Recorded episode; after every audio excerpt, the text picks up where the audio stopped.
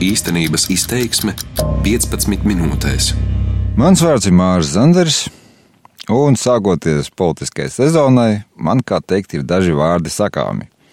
Proti, pēc vasaras brīvdienām ne tikai saime ir atsākusi darbu, bet arī politiķi sāk iesildīties parlamentu vēlēšanām nākamgad. Līdz ar to varbūt ir vērts parunāt par dažiem mūsu priekšstatiem par politiķiem. Negluži kļūdainiem, bet formulēsim to tā nepilnīgiem, manā izpratnē.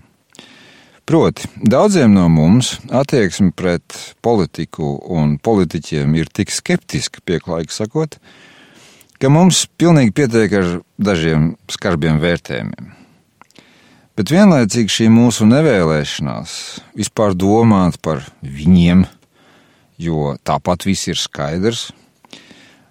Mazliet apgrūtina saskatīt politiķu un politikas Latvijā citas iezīmes, par ko arī gribētu parunāt. Tātad daudziem no mums ir pilnīgi skaidrs, ka politiķi ir A. korumpēti, B. slinki, C. kā saka, atraušies no tautas. Nu, lūk, un man ir dažs subjektīvos novērojumos balstīts pārdoms par šādu diagnozi. Nu, tātad vispirms korumpētība. Te jautājums būtu, ko mēs ar to saprotam? Manuprāt, brutāla naudas bāšana kabatās vai ārzemju banku kontos, vismaz tā ir politiskās elites daļai, kas atrodas saimā, pēdējā laikā tomēr nav raksturīga. Viens no iemesliem ir diezgan pragmatisks no viņa viedokļa, proti, pārāk daudz risku kāds no nelabvēliem uzodīs un nosūdzēs un tādā garā. Pieļauju, ka joprojām ir arī šādi brutāls korupcijas gadījumi. Tomēr kopumā, tad, kad mēs runājam par politiķu pērkamību un te joprojām nepārspīlēsim. Cita lieta, ka ir tāds slikts ieradums kā acu pievēršana. Nu, piemēram, deputāts zina vai vismaz nojauš, ka frakcijas vadītāju vai partijas palēko kardinālu bīdītais lēmums nav pareizs, tomēr klusē. Jo viņš nevēlas sastrīdoties ar partijas līderiem, nākamajās vēlēšanās kandidāts sarakstā nobraukt uz leju, jo tas, kādu vietu viņš ieņem sarakstā, ir stipri atkarīgs no attiecībām ar frakcijas vadītāju, partijas vadītāju. Vai arī viņš nevēlas zaudēt kādu apmaksātu posteni parlamentu komisijās.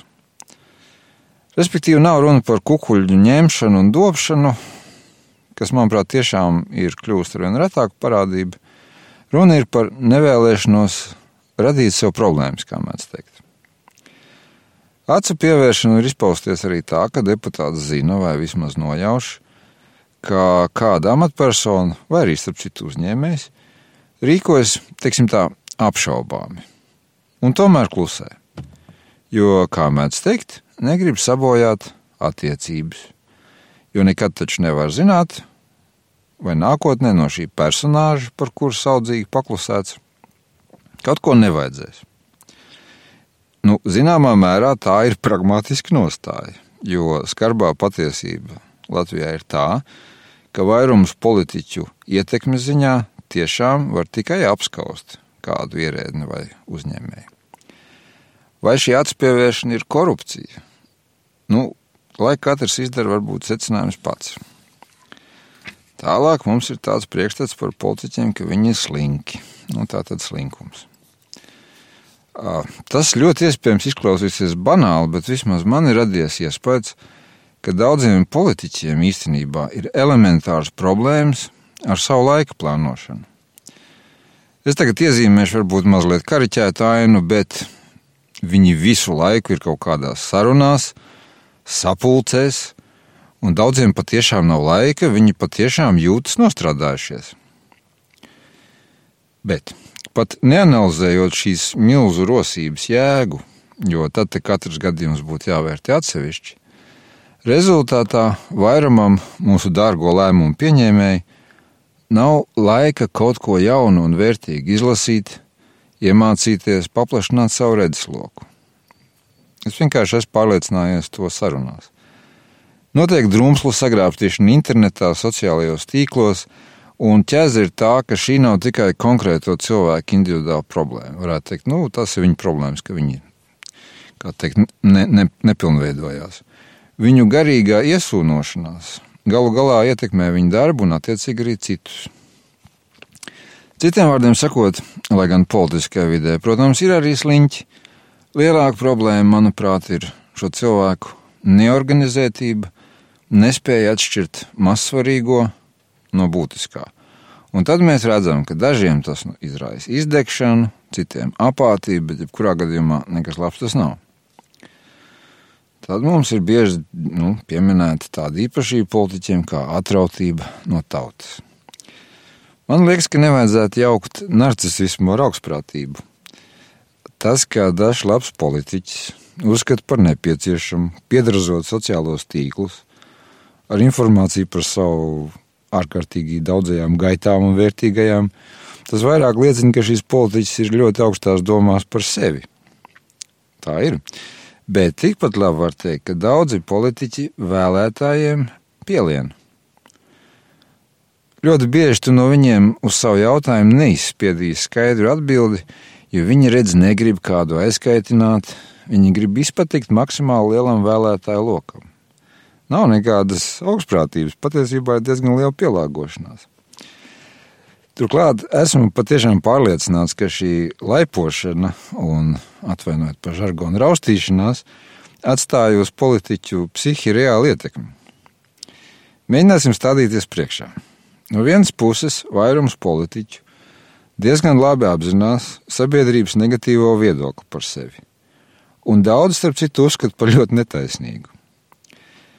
No otras puses, jo tuvāk vēlēšanas, jo biežāk politiķiem ar sakostiem zobiem, vismaz vārdos jāapgalvo, ka publikas domas viņiem ir ļoti svarīgas, tās ir pareizas. Citiem vārdiem sakot, viņiem ir jāglāmo cilvēkiem, apzinoties, ka šie cilvēki viņus ļoti iespējams ciest nevar.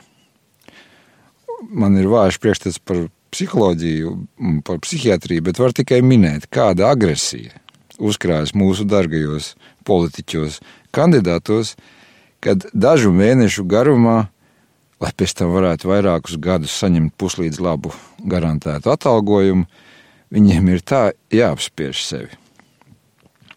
Nu, lai kā arī būtu, var jau būt, ka kāds politiskajās aprindās sevi tiešām uzskata par elitei piederīgu ar visām no tā izrietošajām sekām.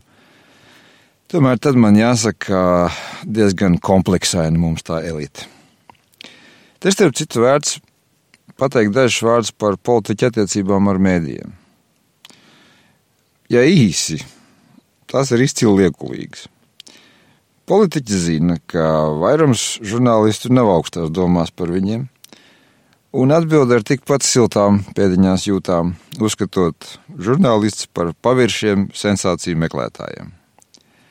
Tomēr abas puses vienotrai ir nepieciešams. Un rezultātā mēs bieži redzam rituālu. Šis būs ļoti skarbi, bet nu nekas. Jūs, politiķi, izliekaties, ka no mums baidāties, un mēs, žurnālisti, izliekamies, ka ticam, ka jūs no mums baidāties. Bet tās ir tās lietas, kas mums vienmēr nāk prātā - korumpētība, slinkums, atrautība no tautas, bet ir arī citas lietas, par kurām mēs mazāk runājam.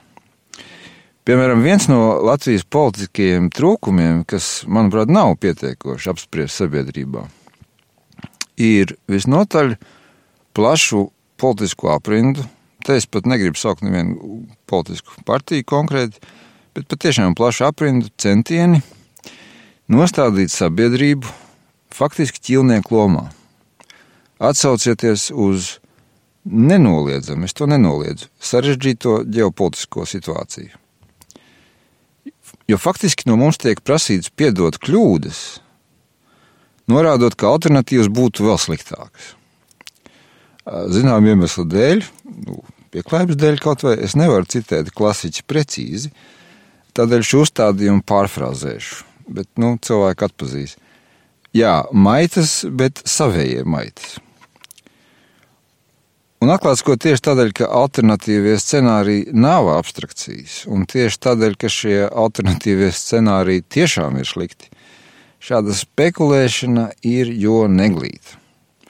Jo trakākais ir tas, ka, vismaz kā man liekas, liela daļa no tiem, kuri ir pieredzējuši okupācijas periodu, viņi ir spiest šai schēmai labāk zināms ļaunums nekā piekrist, jo atmiņas ir pārāk drūmas. Citiem vārdiem sakot, korupcijas un politiskā darba kvalitātes problēmas ir arī citu valstu politiskajās vidēs. Tas nav nekas jauns, un ar to mēs neesam unikāli.